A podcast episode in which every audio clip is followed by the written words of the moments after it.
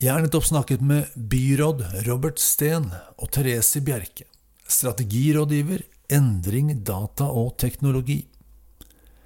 Begge er svært opptatt av hvordan teknologi påvirker våre beslutninger og måten vi jobber på.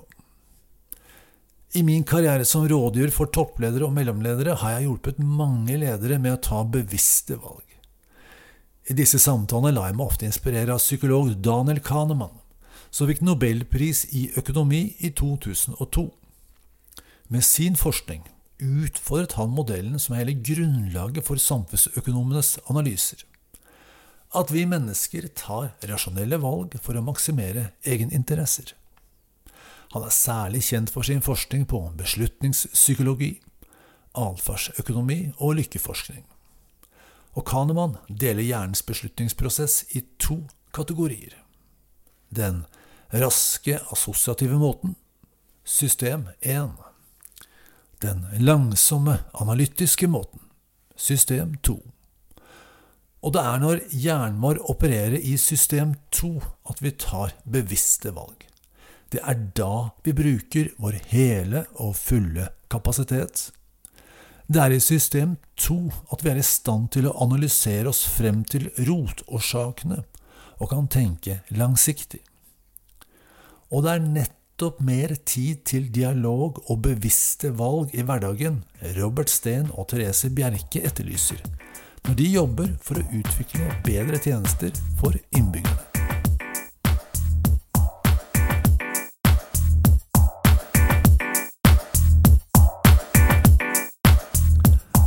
Du lytter til I Prosess, spesialister på innovasjonsprosesser og endringsledelse. Mitt navn er Tor Berntsen. Og jeg sitter her i biblioteket på Grand Hotell med to interessante gjester. Og Da vil jeg gjerne starte med å ønske velkommen til byråd Robert Steen. Tusen takk skal du ha, Tor, og takk for at jeg fikk lov til å komme tilbake. Ja. Eh, det er jo en tillitserklæring. Det er godt å se deg igjen. Kan ikke du si litt om hva som er spesielt viktig ved det å være byråd, sett fra ditt ståsted? Ja, nå har vi jo i hvert fall gjennom et par år, 2020 og 2021, blitt litt synlige da, eh, som byråd i Oslo. Eh, jeg opplevde i hvert fall i de to årene at når jeg gikk rundt på gata, så var det mange som eh, ropte over til meg Er ikke du han der koronafyren? Eh, så det har jo gått veldig mye i eh, smitte og korona og virus og regler. Ja. Eh, vi har vel vært på flere pressekonferanser gjennom disse to årene enn vi kommer til å være hele vårt liv. Eh, så det er jo mye det vi holder på med. Helsebyrådet i Oslo handler egentlig om helsa til Oslos innbyggere. Ja. Det handler om primærhelsetjenestene, det handler om sykehjem, det handler om eldre, det handler om vaksinasjoner, det handler om helsestasjoner, det handler om barsel, det handler om svangerskapsoppfølging. Eh, det handler om alt det som liksom i hverdagen vår eh, tenker på når vi tenker helsebiten vår. Og Som byråd i den rollen, hva er det som preger måten du, du jobber på da? For det første så er det jo eh, i Oslo eh, store volumer. Eh, helse og omsorg er jo et område som eh, treffer mange i sårbare situasjoner. Eh, så det er jo en strøm av saker, en strøm av utfordringer som løper over bordet mitt kontinuerlig, nærmest. Alt ifra behov om sykehjemsplasser, eldre som opplever at oppholdene deres ikke er sånn som de burde være. Eh, vi bygger en stor, ny legevakt på Aker om dagen. Det er Nord-Europas største legevakt. Mest moderne legevakt. Det er smått og stort, eh, Tor. Ja, det skjønner jeg da. Du verden. Da vil jeg gjerne ønske velkommen til vår andre gjest, Therese Bjerke. Du har en ganske kul tittel. Du har strategirådgiver, endring, data og teknologi. Um, kan ikke du si, Hvorfor står det endring både data og teknologi? Det var, var så mye flott her. Ja, jo, takk for, takk for, invitasjonen først. Um, jeg jobber for eh, Robert Steen i byrådsavdelingen um, for helse, eldre og innbyggertjenester. Um, vært der i snart to år. Jeg er byråkrat, så ikke politisk uh, sånn sett. Uh, og så har jeg denne tittelen uh, fordi vi jobber mye med å se hvordan vi skal omstille Oslo kommune ja. i, um, i, stort. Hvordan vi skal klare å bruke data og teknologi bedre for tjenestene våre fremover. Og det er en stor endringsprosess.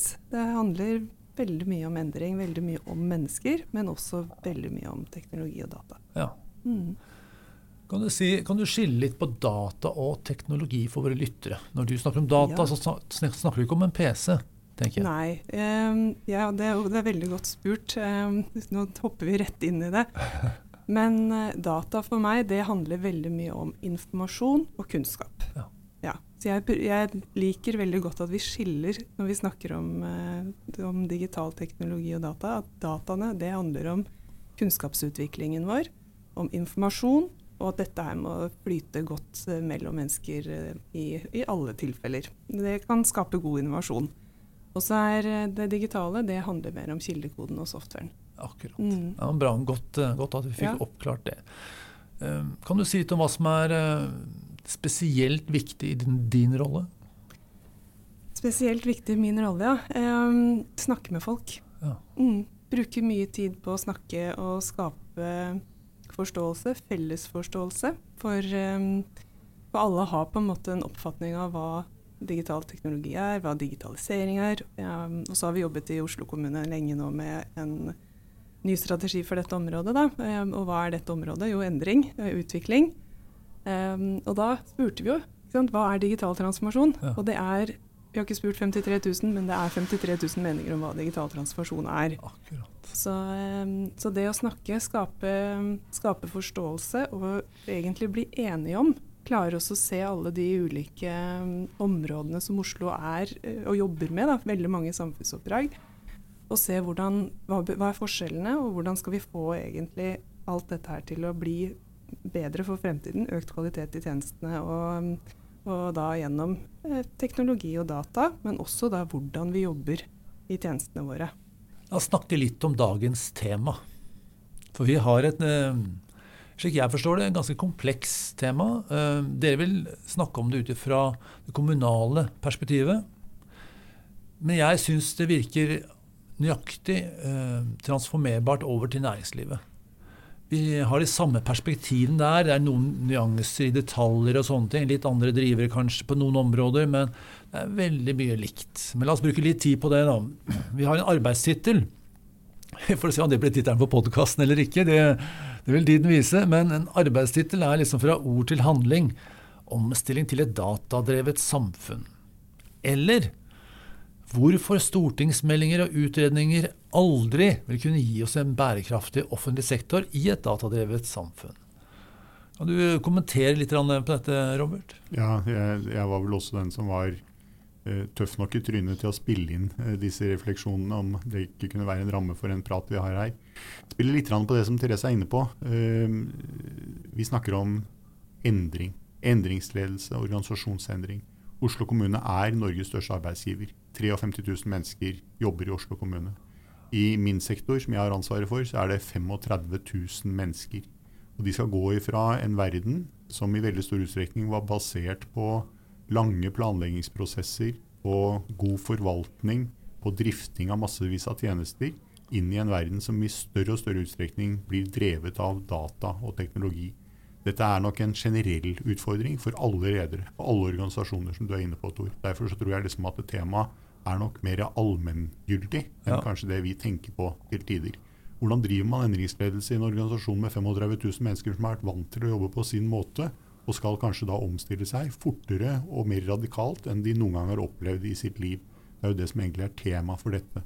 Og da er vel en av de tingene som jeg er ganske sikker på, det er at eh, det å drive lange planleggingsprosesser som vi er vant til gjennom offentlige utredninger, bystyre eller stortingsmeldinger, lovendringer, som jo tar mange, mange år før det kommer til effektuering, vil nok sannsynligvis være en utfordrende måte å jobbe på for å være liksom rund og diplomatisk. Eh, her foregår endringene fortere enn det vi er vant til, så dynamikk og fart blir en viktig ingrediens. Og I tillegg så har vi også en teknologi som er skalerbar på global basis. slik at der hvor vi tidligere bestemte hvordan vi skulle holde på i Oslo alene eller i Norge alene, så er ikke det en situasjon lenger. Vi blir i mye større utstrekning påvirket også av hva som skjer rundt oss i Europa, ja. i verden. Uh, så det er en del av disse elementene som gjør at jeg da sier at jeg tror ikke liksom den tradisjonelle måten å jobbe på, det å lage bystyremeldinger og stortingsmeldinger og ha lange utviklingsprosesser for endring, vil nok fungere dårlig på dette. Og Da blir jo neste 100-kronersspørsmålet hva gjør vi da? Jeg vil gjerne bidra med et lite perspektiv på det. Fordi at Jeg har jobbet litt som eh, rådgiver i endringsledelse når større virksomheter skal bytte IT-system. Eh, og Noen av disse prosessene er ganske omfattende. Det er sånn 500-600 millioner eh, på noen av de største. Og da har den gamle måten å gjøre det på vært eh, at man da rett og slett planlegger alt i detalj, lager verdens største kravspesifikasjon på jeg vet ikke, tusenvis av sider, og gir det til et uh, selskap da, som, kan, som, kan, levere, og så får man det man har bestilt. Og dette tar jo, som du sier, årevis. Både lage kravspesifikasjonen og det å selvfølgelig levere systemet. Og på den tida som har gått da, så har, har du endra behov. Så den, den, nye måten å gjøre det på, på den siste prosessen jeg var, jeg var med på, så, så, hadde man bare en, eh, noen ambisjoner. Og så hadde man en mer iterativ måte å gjøre, det på. Altså man fikk inn en leverandør man stolte på, og så fant de ut av ting underveis. Hva tenker du, Therese? Er det, er det den veien der man beveger seg, eller Kommentar på ja, det? det? Det er uten tvil at de som er gode på å drive softwareutviklingsprosesser, de jobber iterativt. Det er helt, helt, klart. Men så er det jo litt sånn at vi har eh, forskjellige behov når vi jobber. Og um, det å bytte ut et gammelt eh, system, fordi vi har mye gammelt i offentlig sektor, det trengs å byttes ut, det er noe veldig annet enn å bygge noe nytt.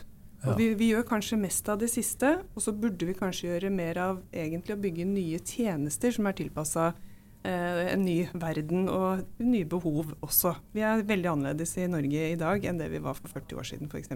Hvis vi tenker på mangfold og måten vi ser ting på. Så, så det er forskjell. Nav, jeg mener f.eks. hvis du tar Nav, ja. de trenger ikke å utrede hvordan de skal ut, bytte ut et gammelt fagsystem. Dette kan de. Dette er de gode på. Dette har de gjort i snart ti år. Der trenger vi ikke å kjøre store utredningsprosesser. Eh, du må ha et kostnadsoverslag hvis du skal ha penger fra statsbudsjettet. Eh, men, eh, men, dette er ikke en, det er ikke en vanskelig jobb sånn sett. For, så der trenger du ikke utredninger. Det du trenger utredninger på, det er jo når vi gjør litt større grep, litt mer reformative grep. Um, og da må vi gjøre noen konsekvensvurderinger. Uh, og da er det veldig mye mer enn penger som er uh, det som er viktig å få utredet og gjort skikkelig. Uh, men det jeg tror vi ofte går litt sånn feil i, det er vi skylder liksom på at utredningsinstruksen den er ikke bra. Eh, men jo, kanskje den egentlig er bra. Jeg mener den er bra, men jeg mener at måten vi gjør utredninger på, den er feil. Den er altfor skrivebordsfokusert, eh, okay. altfor økonomifokusert. Kanskje litt, eh, ikke kanskje, men også for lite uh, utprøvning. Vi, vi, tester for lite. Um, det er for lite tech inn i, inn i um, Tech og design vil jeg ha med da. Ja. Begge fagområdene er viktige og ganske nye fagområder. Så, eh, så, det handler egentlig ikke om skal vi utrede eller ikke, men vi må være flinkere på når skal vi utrede og hvordan skal vi gjøre utredning. Og når en utredning er gjort, så handler det veldig mye om ledelse, om hvordan operasjonaliserer vi dette her videre. Ja. Og da tror jeg vi er inne på et kjempespennende tema, som er kultur og mindset. Ja, dette var mye. Dette er alle mine favorittområder på én mm, gang. Men det er jo en bok på hvert eneste område, eller bibliotek på hvert eneste område. Vær så god, Robert. Bare, bare bygge videre på altså, Premissene for spørsmålet ditt også, Tor. Jeg satt og tenkte på det når du stilte spørsmålet. Uh, store utskiftinger av IT-systemer til 500-600 millioner kroner. Ja, jeg tror nok disse prosjektene fortsatt eksisterer der ute. Men jeg syns også det er en illustrasjon på et mindset som er galt. Ja. Det kan hende at det fortsatt funker i noen sektorer, men i færre og færre. De som fortsatt tror at eh, det er IT-systemene som skal skiftes fra tid til annen som støttesystemer, har nok ikke forstått at eh, data og teknologi kommer til å bli strategisk i alle organisasjoner, alle operasjoner. Ja. Uh, og Du må bort ifra at du tror at dette er noe som kan kjøpes, noe som kan bestilles, noe som en IT-avdeling kan løse. Eh, jeg var så heldig at eh, for 23 eh, år siden så fikk jeg lov til å være med en liten gruppe mennesker som startet finn.no i Skipsted. Skipsted var det en gangen i all vesentlighet et avishus. Et papiravishus. Og det hadde de vært i over 100 år. Og heltene i de systemene var redaktørene og journalistene. Alt annet var støtte. Salg og administrasjon og ledelse og sånt noe var egentlig støtte for heltene som var redaktørene og journalistene.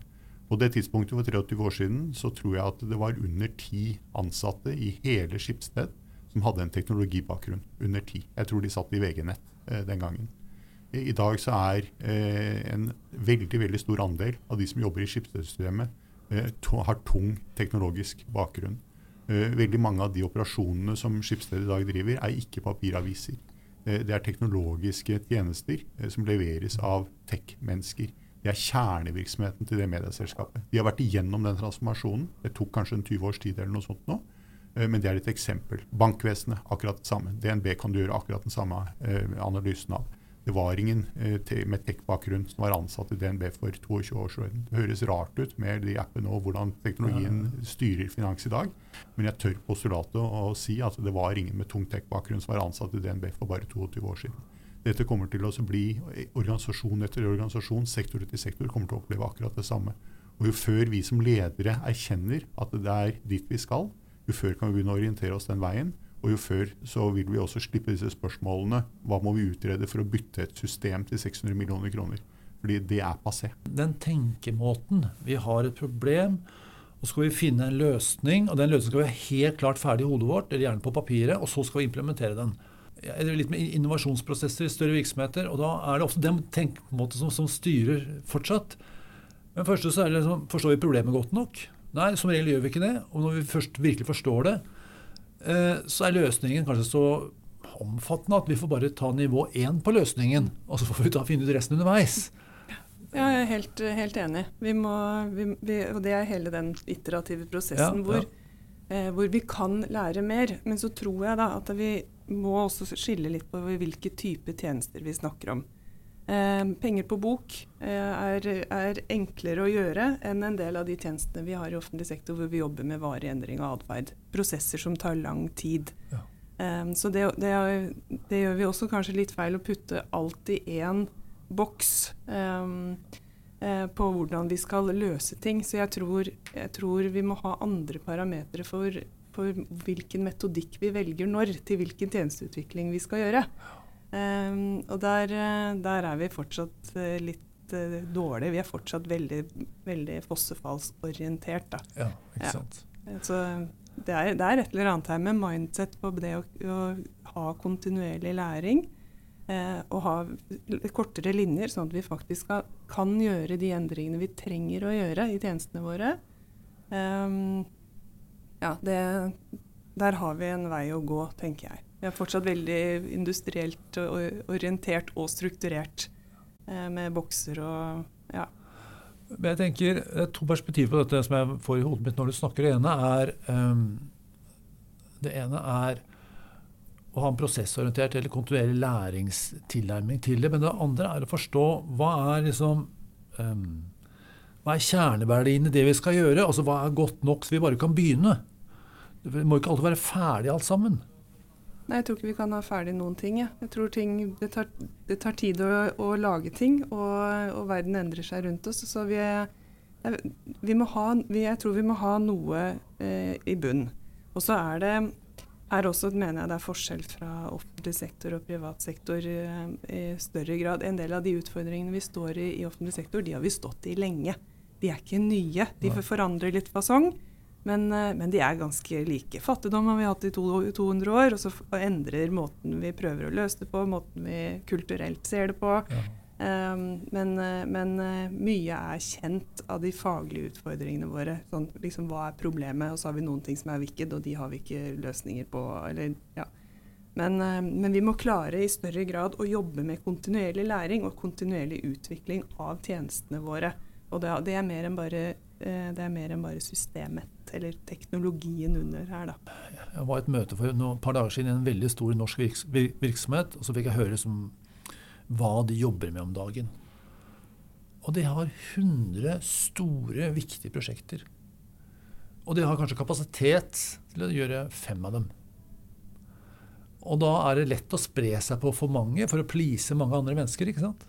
Men så kanskje egentlig burde bare satsa på én eller to og hatt bånn gass på det. Men det å gjøre det valget, å prioritere hva er det, hva er det aller viktigste nå? Hva er, det, hva er, det, som vil være med på å skape framtiden vår nå? Og så la resten ligge.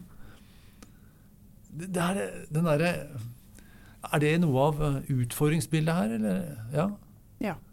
Ja, altså absolutt. Og, og, noen av de største utfordringene vi står i, da, det, ja de er det kanskje også vanskeligere å prioritere, fordi det er vanskeligere å vite hva vi skal gjøre med dem. Så det er lettere å prioritere områder som, eh, som, er, som kanskje gir mindre gevinst, men de er mer håndterbare.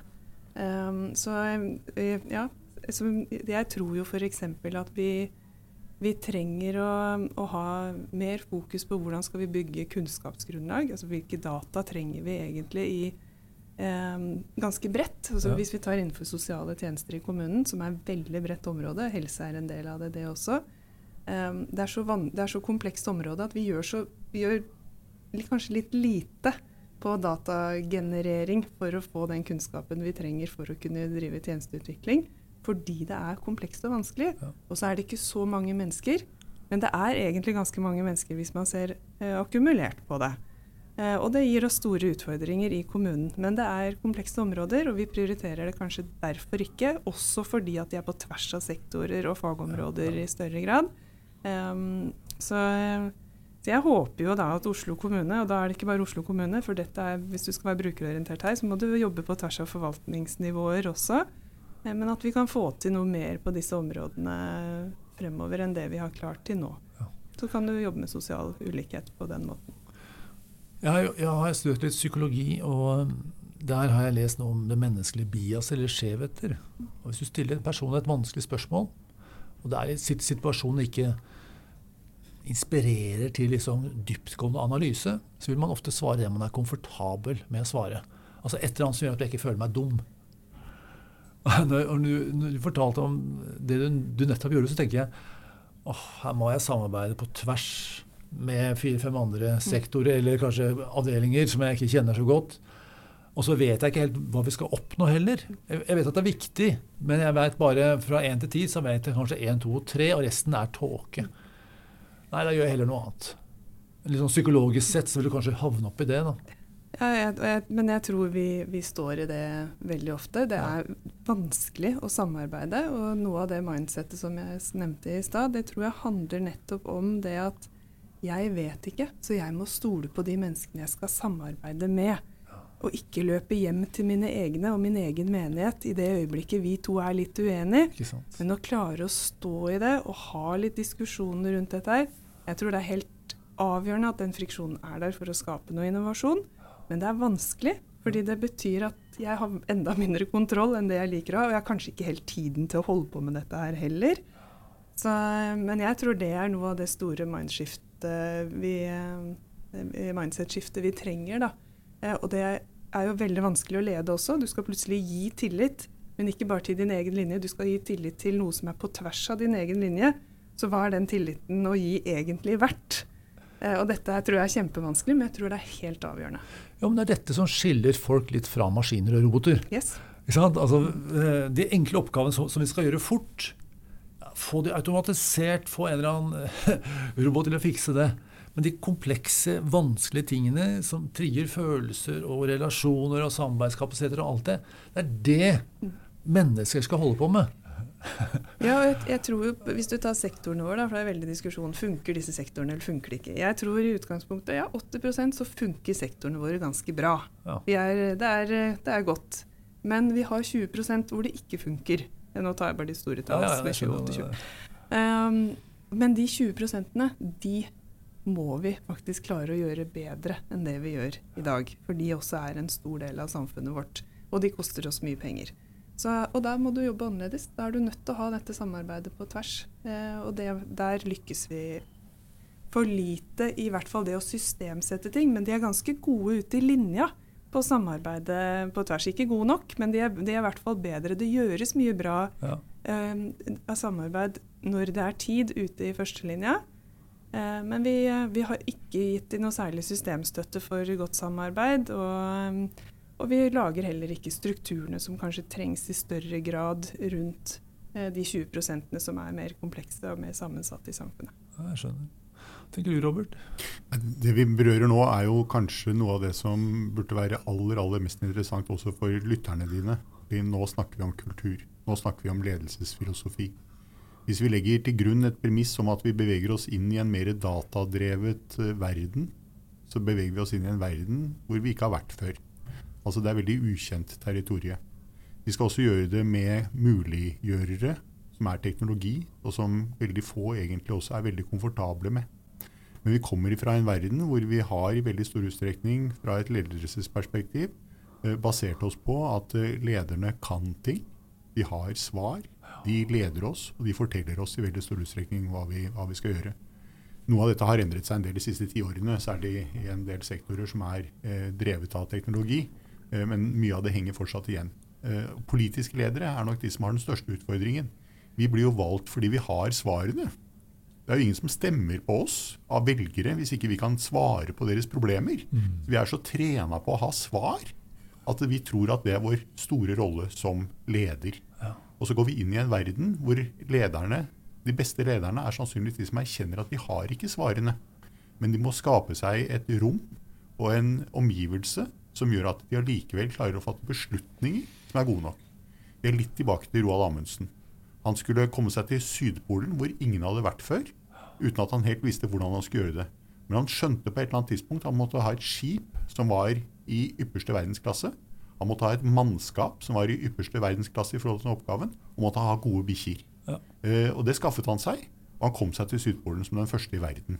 Og Det er litt det samme som vi ledere nå står overfor. Mm. Vi er nødt til å skaffe oss en omgivelse rundt oss som sikrer at vi har et underlag for å fatte beslutninger som er basert på at jeg har ikke svarene. Jeg kjenner at jeg har ikke svarene, derfor må jeg staffe meg opp. Og En av de områdene hvor jeg opplever at vi ikke er staffa opp godt nok, det er på tech-sida. Skal vi bevege oss inn i en mer datadreven verden, så må vi ha tung tech-kompetanse rundt oss for å fatte beslutninger. Akkurat som bikkjene til Roald Amundsen. Skjønner. Du berører noe jeg mener er et paradigmeskifte i vår tid. Vi må, vi må dra den analysen litt, så skal vi gå opp på den tech-siden etterpå. Eh, jeg vil påstå det at fram til disse dager omtrent, så har vi hatt en lederfilosofi eh, som handler om støtte og styring. Om kompetanse. Nettopp som du sier, at lederen har svaret. Tradisjonen er at den beste selgeren blir salgssjefen. Og så er salgssjefens rolle å lære opp eh, de nye selgere og fortelle dem hva de skal gjøre. Og så er det da å bruke støtte og styring for å liksom hjelpe dem til å bli dyktige og selvgående i størst mulig grad. Og så er vi over en ny tid nå hvor dette ikke funker. Jeg har sett mange analyser på no hvordan du skal lede smartinger, for å si det sånn. Og det, det funker ikke. De blir skikkelig demotivert av den type ledelse. Og så er det, for å gjøre en lang historie kort, da, hvordan er det man skal lede folk i dag da? I hvert fall disse folka. Jo, du skal hjelpe dem til å lede seg selv. Mm.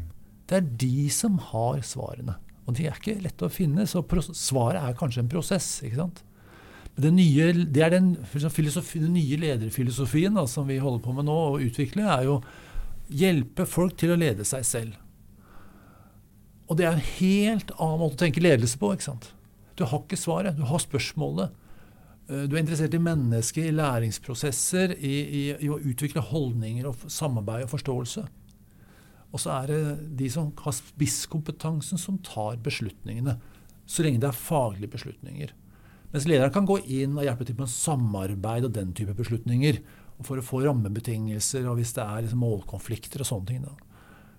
Dette er ikke en lite skifte. Altså, dette sitter dypt i vår kultur. Nei, du, du, kan jo tenke deg, Tor, om vi liksom eh, overfører det til eh, kanskje den viktigste lederjobben som vi har i Norge, nemlig det å være statsminister. Eh, tenk om vi skulle sagt til Jonas Gahr Støre at du skal ikke ha noe svar, Jonas. Du skal fortelle innbyggerne at de må finne svarene sjøl. Ja, eh, hva, hva, tror du debatten på, på, TV ville vært da? Hva, hva ville avisene ha skrevet? Ville liksom, ville, hvordan ville debatten rundt uh, middagsbordene våre vært? Jeg tror Som ledere i bedrifter så kjenner vi igjen den historien. Ja. Men vi overfører den ikke til alle sektorer. Nei, nei, Men jeg tror vi må dit på et eller annet tidspunkt, fordi vi beveger oss inn i et såpass ukjent og komplekst farvann som er drevet av teknologi, er drevet av globalisering, er drevet av klimautfordringene. Det er så ekstremt mange store drivere for forandring som har så mye ukjenthet i seg, og så stor kompleksitet, at vi er nødt til å gi slipp på det at lederne våre skal alle svarene. Ja. I tillegg så blir jo Jonas også avkrevet av media, som har tapet alt han har sagt. At for 30 år siden så sa han sånn og sånn. Har han nå skiftet mening? Mener han ikke lenger det han sa? Ja. Det, er liksom, eh, det, er, det, er også noe med omgivelsene som vi som ledere lever innenfor. Eh, som er ganske utfordrende i forhold til akkurat den type tenkning. Ja, absolutt. men, det er, men, det er, godt du tar det opp, fordi vi er nødt til å begynne å snakke om det. Skal vi komme noen vei? Ja, ja. ja jeg, jeg, vet ikke om jeg helt, liksom, helt kjøper uh, hele. Det, jeg tror vi mennesker er oss selv nærest. Eh, og av og til så vi trenger noen som setter litt retning. Ja, og det det- tenker jeg, den lederoppgaven, den strate det er en strategisk eh, Absolutt. leder, den, den veit jeg ikke om eh, Der tenker jeg litt at biologien er at vi følger. Eh, men vi må følge noe vi tror på. Eh, vi må ha, og, det er gjerne på strategisk nivå eller overordna nivå, så det skal ikke være ledere som har svaret på alt.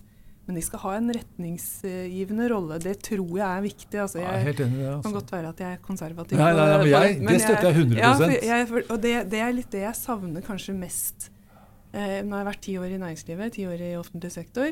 Eh, ish. Også, og det er kanskje det jeg savner litt. Vi har veldig operative, eh, administrative her og nå, hamster i hjul eh, i offentlig sektor. Jeg skulle ønske liksom, hvor er den som sier vi skal dit? Og dit skal vi, men dere må hjelpe til å finne ut hvordan vi gjør det. Ja. Fordi dere er mye mer kompetente på disse tingene enn det jeg er. Eh, den, det, det tror jeg er kanskje noe av det største for offentlig sektor, men jeg tror det er helt parallelt med privat næringsliv også. Du vil ikke ha en leder som skal ha svar på alt, men retningsgivende ledere som gjør at det blir lettere for, for de under å ta egne beslutninger, tror jeg er helt eh, det tror jeg er morgendagens ledelse. Ja, Det er jeg helt enig i. Altså, vi må ha en visjon om hvor vi skal hen. Mm. Men det behøver ikke være veldig presis. Det behøver nok ikke å være, men det må ha en retning som sier liksom ehm, Skal vi ha et sykehus eh, hvor folk er selvbetjening? Eller skal vi ha et sykehus hvor noen møter deg i døra, og, eller hvor du trykker på en knapp, eller du blir skanna, og så skjer, skjer alt automatisk? Ha en eller annen visjon om hva fremtiden skal være for noe. da. Og så- er nok det nærmere Tor, sannsynligvis en visjon om at vi skal ha et gratis helsevesen for de fleste. Vi skal ha et helsevesen i verdensklassen.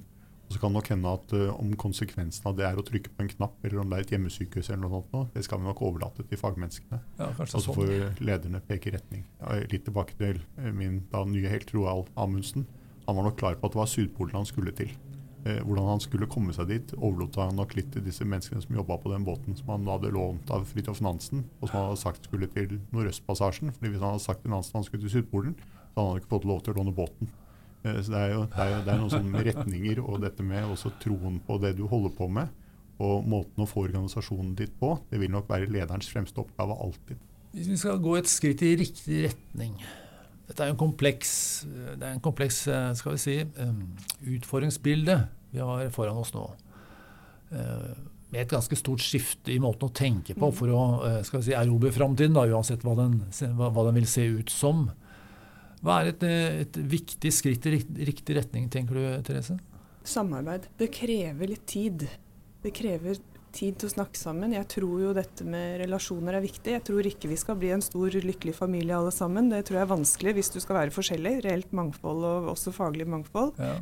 Men eh, jeg tror det å bygge en kultur for samarbeid, for usikkerhet, for det å ikke ha kontroll på alt, men jobbe med hypoteser, jeg tror, jeg, jeg tror veldig det er, eh, er, er veien fremover. Jeg tror det, at Vi er mer komplekse nå enn det det var eh, for 50-60-70 år siden. Eh, og da er samarbeid enda viktigere. Tenker du, eh, Robert, hva er et viktig skritt i riktig retning for deg? Jeg tror Therese er inne på noe som er veldig viktig. Jeg tror vi skal huske at vi er et bitte, bitte, bitte lite land. 5,5 millioner innbyggere. Vi runda akkurat 8 milliarder mennesker på jorden for ikke så veldig lenge siden. Vi har klart å beskytte oss eh, fra liksom alle krefter som kommer utenfra, eh, ved det faktum at vi ligger liksom litt i utkanten av verden, langt her oppe mot Nordpolen.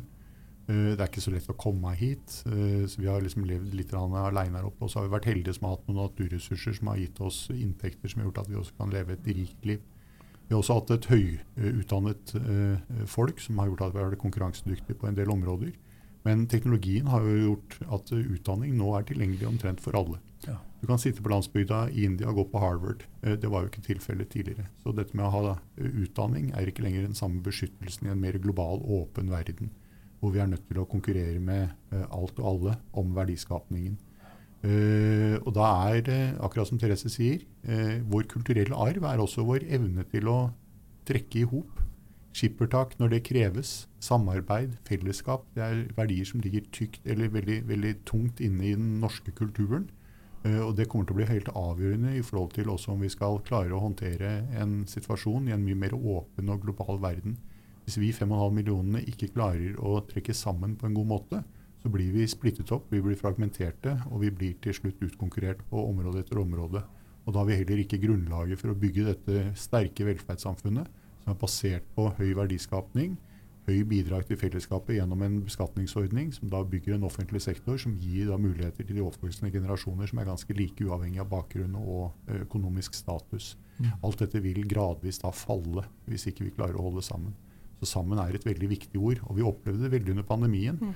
Uh, nå er det jo en del analysebyråer som har sett på hvem var det som klarte å håndtere pandemien på en god måte. og Det er jo byene i verden man har sett på, for det er byene som ble rammet hardest. Og En av de analysebyråene som har vært tungt inn og sett på dette, sier at de asiatiske byene klarte dette veldig bra. Det er naturlig. I Asia er du født med munnbind eh, i ansiktet. Her er vi født med ski på beina. Skiene hjalp oss ikke noe, munnbindene hjalp oss. Ja. Derfor er liksom byer som Tokyo, Hongkong, Taipei og også Auckland i New Zealand sett på som byer som klarte seg bra. Men det er én by i Vest-Europa som klarte seg like bra som disse byene, og det er Oslo i Norge. Og Det er jo først og fremst samholdet vårt og det at vi klarte å stå sammen om å løse den oppgaven i en by som snakker 200 forskjellige språk, hvor reglene forandret seg hele tiden, som var årsaken til det. Og det er kulturarven vår. Det må vi bygge videre på. Mm. Dere representerer jo offentlig sektor, som jeg påstår at uh, veldig mye av det samme utfordringsbildet er jo også i privat sektor. Er det noen eh, og da tenker jeg, Hvis vi tenker litt stort, er det noe vi kan lære av? Noen som har gjort noe bra, som vi tenker at eh, hvis vi bruker denne tenkemåten mer, eller bruker det som er eksempel på som kan inspirere oss fremover? Vi, vi snakker om flere ting. altså Hvis vi snakker om det mer datadrevne samfunnet, så er det i hvert fall en del fenomener som er spennende. Det første har jeg lært av Therese. Eh, konsernsjefen i Nike har tung tech-bakgrunn. Eh, Joggeskoprodusenten, som vi kalte det i gamle dager, Ja. rekrutterer nå da toppledelse med tech-bakgrunn. En av de største investorene i helsesektoren globalt er Amazon. Det som vi i sin tid kalte for bokhandleren på nett. Jeff Bezos, verdens rikeste mann, som da ble etter hvert eh, fra å være bokhandler til å være sånn eh, butikk med alt mulig, så skal han nå bli en av de store helseaktørene. Fordi han ser at teknologien blir så, så viktig. Så om det ikke liksom er nødvendigvis alt vi skal lære, så skal vi ta impulser fra denne type utvikling, tror jeg. I forhold til å forstå hvor vi må posisjonere oss, hva vi må ha fokuset vårt på når vi skal gå framover. Og så er det mange eh, norske bedrifter synes jeg, som gjør veldig mye spennende ting. Jeg synes at eh, når Aker etablerte Cognite i sin tid, eh, og hvor eh, ideen var eh, kan vi sette teknologi på stål, eh, og dermed gjøre oss mer effektive. Og det de gjorde var at De satte jo sensorer på rørene i oljeproduksjonsplattformene sine i Nordsjøen, eh, som hele tiden leste av når er det vi kan optimalisere vedlikehold. Vedlikehold er noe av det dyreste man gjør i oljeproduksjonen, for da må man stoppe oljeproduksjonen, og det har en enorm eh, effekt Akkurat. på økonomien din. Inntektene dine går ned når du ikke pumper opp olje, eh, og det er liksom en kjempestor økonomisk driver. Så det å optimalisere når du skal gjøre vedlikehold på rørene dine ute i Nordsjøen, er en enorm eh, påvirkning på verdiskapningen i selskapet ditt. Og dette løste de ved å sette sensorer i rørene som hele tiden da moniterer når må vi gjøre vedlikeholdet, opp mot når produserer vi mest mulig olje. Og her gjør de da milliarder av verdier. Dette er da eh, måte å verdiskape eh, stål på, som de sier. Eh, som da i ettertid eh, eksporteres til Midtøsten f.eks. Så Det er mange sånne eksempler som nå begynner å komme opp til inspirasjon om hvordan man tenker utenfor boksen ved å forstå teknologiens verdi inn i den eksisterende verdikjeden din, som i utgangspunktet ikke er tenkt på å være spesielt teknologisk. Altså et pumperør i Nordsjøen, hvordan kan det være teknologisk? Jo, ved å bruke sensorteknologi. Ja. Det er liksom det ekstreme den veien. Eh, Det, det andre eksempelet på sensorteknologi som jo jeg syns er veldig morsomt om dagen, er alle de som nå har kjøpt en sensor som ser ut som en Heineken-knapp, og som henger magnetisk på kjøleskapet, og som du trykker på når det er slutt på øl i kjøleskapet ditt, og så går det 40 minutter, og så står det en kar med en sixpack på døra di. eh, Fordi det er sensoren. Eh, Det er noen som har påstått for meg at det, det finnes en tilsvarende løsning for kondomer, men det funker visst ikke like, like bra. Eh, Men det, det viser liksom hvordan de som da forstår teknologien, utvikler nye verdikjeder, nye måter å levere verdier på. Eh, På eh, både kreative og morsomme måter. Ja, ja. Eh, Så, så jeg tror det finnes massevis av sånne eksempler som man kan lene seg på. Til inspirasjon, i hvert fall i første omgang. Mange menn som fortsatt kommer til å ha ølmage, skjønner jeg. Så kanskje du tror på knappen og løpt seg en tur før, før den sixpacken kom tilbake. Eh, Vær så god. Ja, jeg, jeg, tror, jeg, tror, også at vi, når du spør om sånne store eh, Hva kan vi se til? Jeg tror vi skal også tørre å se litt historisk på Norge. Um, og det, vi har alltid utviklet strukturer, vi har alltid endret oss. Det er samme om det er næringsliv eller, eh, eller offentlig sektor. Og tar litt inn over oss at vi er egentlig et veldig endringsdyktig land med alle muligheter. Vi er, jeg påstår at vi er verdens mest smidige land. Oh, Her sitter jeg med en av bra. norske toppolitikere. ikke sant? Vi har ja, det er masse muligheter. Vi lagde norske kommunestrukturen for 200 år siden fordi det var fornuftig den gang. Kanskje vi må også tenke ja, hva er det vi må gjøre fremover, og hvordan kan vi få det til. Så, så jeg mener at vi har, vi har veldig mye som er veldig bra, som vi må bygge videre på, videreutvikle. Kanskje til og med bygge ned på noen ting, for vi har blitt så gode på noen ting at det blir litt sånn hemsko over det. Eh, men det, det tror jeg kanskje er litt det viktigste, liksom at vi ikke krisemaksimerer der hvor vi er. For vi er verdens beste velferdsland, og det kan vi klare å fortsette å være hvis vi eh, fortsetter å ta vare på de verdiene som er viktige for oss. Ja, ja. Vi må gjøre endringer, skjønner jeg. Eh, Mm. eh, du nevnte Nike. Liten refleksjon rundt toppledergrupper. Eh, sjekk om det er det samme i, i offentlig sektor. I privat sektor så er det alltid en administrerende direktør eller konsernsjef. eh, og så er det alltid en eh, økonomidirektør eller økonomi og finans, en variant av det. De to er alltid i toppledergruppa.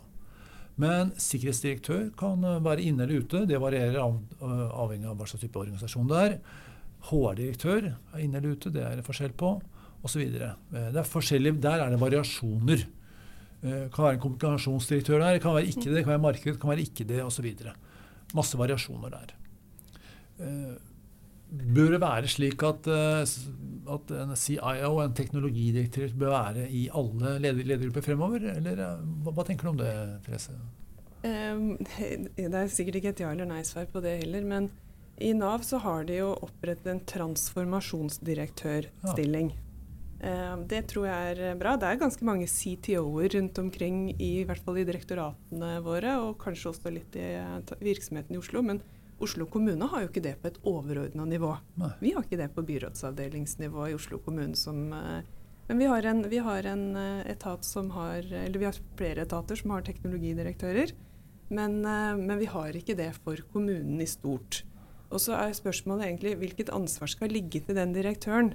Eh, vi er vant til at CTO-er CTO-er har en støttefunksjonrolle, litt sånn som HR er ofte. Ja. Eh, og det er kanskje noe av det som er forskjellen eh, av det som skjer nå. At den tradisjonelle CTO-rollen blir mer todelt. Den ene, hvor, hvor den ene fortsatt er muliggjørende funksjoner og felles, eh, felles behov og, og tilrettelegger for resten av organisasjonen, men der den andre blir rett og slett inn i eh, businessen din i mye større grad.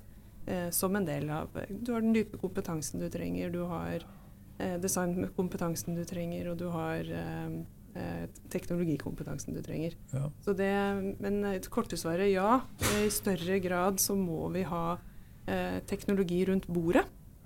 Eh, men da ikke som støttefunksjon, som en, eh, som en del av kjernevirksomheten. Ja, ja, det må være en strategisk, Ja. uh, strategisk partner. Ja. Uh, det må det være, selvfølgelig.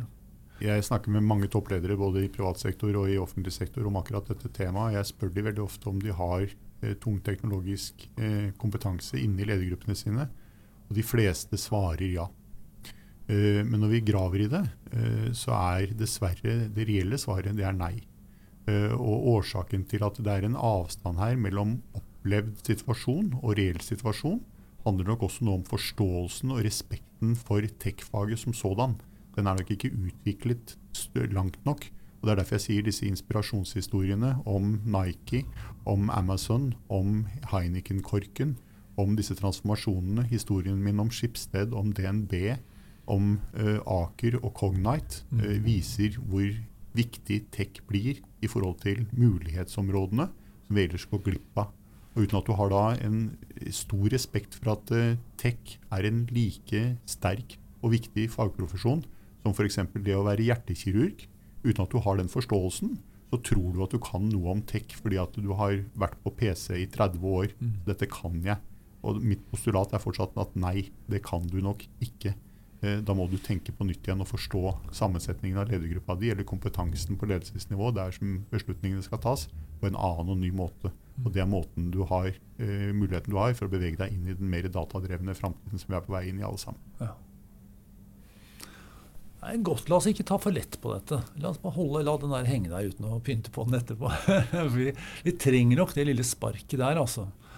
For å ta gode valg, valg videre. Mm. Vi er nødt til å avslutte hvert øyeblikk nå. Jeg har lyst til å kan jeg be dere om å ønske dere, hvis du kunne ønske deg, Therese, en konkret endring? Mer tid til dialog. Ja. Mm, mer felles, uh, felles enighet. Um, mm. Tid til å gå i dybden på analysene? Forstå hverandre bedre. Ja. Uh, og det krever dialog. Snakke mer sammen. Jeg kommer tilbake til det alltid, det enkle verktøyet kommunikasjon. Ja, ja, ja. Men det betyr at vi må tåle å ikke produsere og, vise resultater hele tiden. Ja, det er jo på en måte konsekvensen av å kanskje få til noe veldig bra på sikt. Ja. Det er nettopp at vi må ta oss tid til å snakke sammen. Fordi det ligger muligheter i det å snakke sammen. Det er der innovasjonen skjer. Ja. Og jeg tror vi har for lite tid til å snakke sammen, rett og slett. Det er blitt veldig fokus på effektivisering. Ja. Vi nesten skal effektivisere så mye at vi glemmer hva vi holder på med. vet du. Men, uh, men det, er, det, er, ja, det, er, et stort uh, og litt sånn fluffy svar, men uh, Nei, men Jeg kjøper det svaret 100 for jeg, min kunnskap om psykologi er slik at hvis du har dårlig tid, så bruker du bare den automatiske delen av hjernen din. Og da bruker du kanskje 5 eller 10 Best case scenario. Mm. Har du tid, og du kan snakke sammen med folk og gå i dybden, så utnytter vi potensialet vårt på en helt annen måte. Men det er selvfølgelig tidkrevende, og det må være ro rundt det. Uh, og du kan ikke stresse kreativitet. Det er, nei, det er lite innovasjon som skjer på egen hånd. Uh, og det er beste verktøy for innovasjon det er dialog og ideer og, ja, som får lov til å utfolde seg sammen. De færreste er innovative når de løper for å rekke bussen. Mm -hmm. uh, Robert, du får jo samme spørsmål. Hvis du skal ønske deg en endring som er viktig, men ikke helt 100% umulig? Man blir jo veldig påvirket av den verden man lever i til daglig. Eh, som f.eks. når man løper etter bussen, som du sier, Tor. Eh, I politikken så er det, opplever jeg, veldig liten aksept for å gjøre feil. Ja.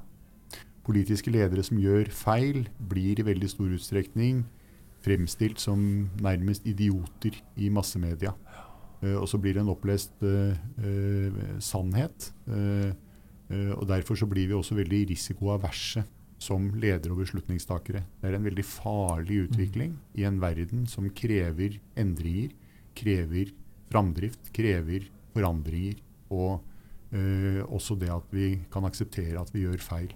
Jeg har blitt spurt noen ganger, øh, siden jeg har tilbrakt 30 eh, år i privat næringsliv og 7 år i offentlig sektor som politiker, øh, er det, hva er de store forskjellene? Og så sier jeg at I store hele så er det veldig mye likheter. Vi skal skape verdier og resultater sammen med mennesker gjennom mennesker. Helt likt offentlig og privat sektor. Men det er én stor forskjell, hvis jeg skal være litt tabloid. Og det er at i offentlig sektor så har vi et styre. I Oslo heter det bystyret. I nasjonalt nivå så heter det Stortinget. Og halvparten av styret vil det er vondt.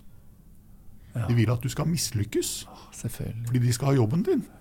Og de får med seg media som et slagkraftig verktøy på lag. Ja. Det er med på å skape en risikoavers natur hos de som sitter i posisjon. Og det er en farlig utvikling. Så hvis jeg kunne ønske meg noe, mm. så var det en større grad av raushet, også i forhold til politiske ledere. At også de må få lov til å gjøre feil. Og vi må til en viss grad også heie på det, og vi må understøtte det, og vi må hjelpe hverandre. Og da kommer jo hele denne samarbeidsbiten inn. Ja. Hvordan skal vi som samfunn utvikle oss når vi har en sånn risikoavers struktur rundt beslutningstakerne? Jeg stilte jo spørsmål i starten av podkasten om hva som var liksom det mange, vi har mange prioriteringer. Det er mange muligheter, mange veier å gå. og Hvis man skal velge det ene rette, så er det ganske krevende. Eh, og Nå har vi fått to forslag til det, som jeg faktisk tror på. Det er mulig at du får litt mer tid, Therese, men jeg tror ikke du får mer raushet. Sånn er det bare. Da er vi nødt til å avslutte. Hensikten med denne refleksjonen er økt bevissthet. For vi tror at det du er bevisst, kan du gjøre noe med og det du ikke er bevisst, gjør noe med deg. Da sier jeg takk til våre gjester. Takk skal du ha. Takk til våre lyttere, og på igjen. Hei, det er Tor Berntsen her. Jeg vil gjerne ha din oppmerksomhet litt til. Jeg har nemlig noe du trenger. Som du vet, jobber vi med lederutvikling. Og tradisjonelt har det vært å utvikle ledergrupper eller gjennomføre lederprogram på konferansehotell. Gjerne kombinert med coaching på ditt eller mitt kontor. Det gjør vi fortsatt. Men nå har vi også online lederprogram, som gjør at du kan utvikle deg selv og dine ledere uten en ekstern konsulent, eller med bare litt støtte. Hva betyr det for deg som leder? Jo, to ting. Du kan utvikle mange mennesker samtidig, og prosesser som tidligere ville tatt mange år, kan gjennomføres i løpet av uker og måneder. Det andre er kostnadsbildet. Det kan reduseres med 90% eller du kan få ti ganger så stor gjennomslagskraft til samme pris. Mulighetene er mange. Gå til iprosess.no, eller enda bedre, ta kontakt på post at iprosess.no. Så kan vi avtale en prat om hva som passer for deg og din virksomhet. Vi snakkes.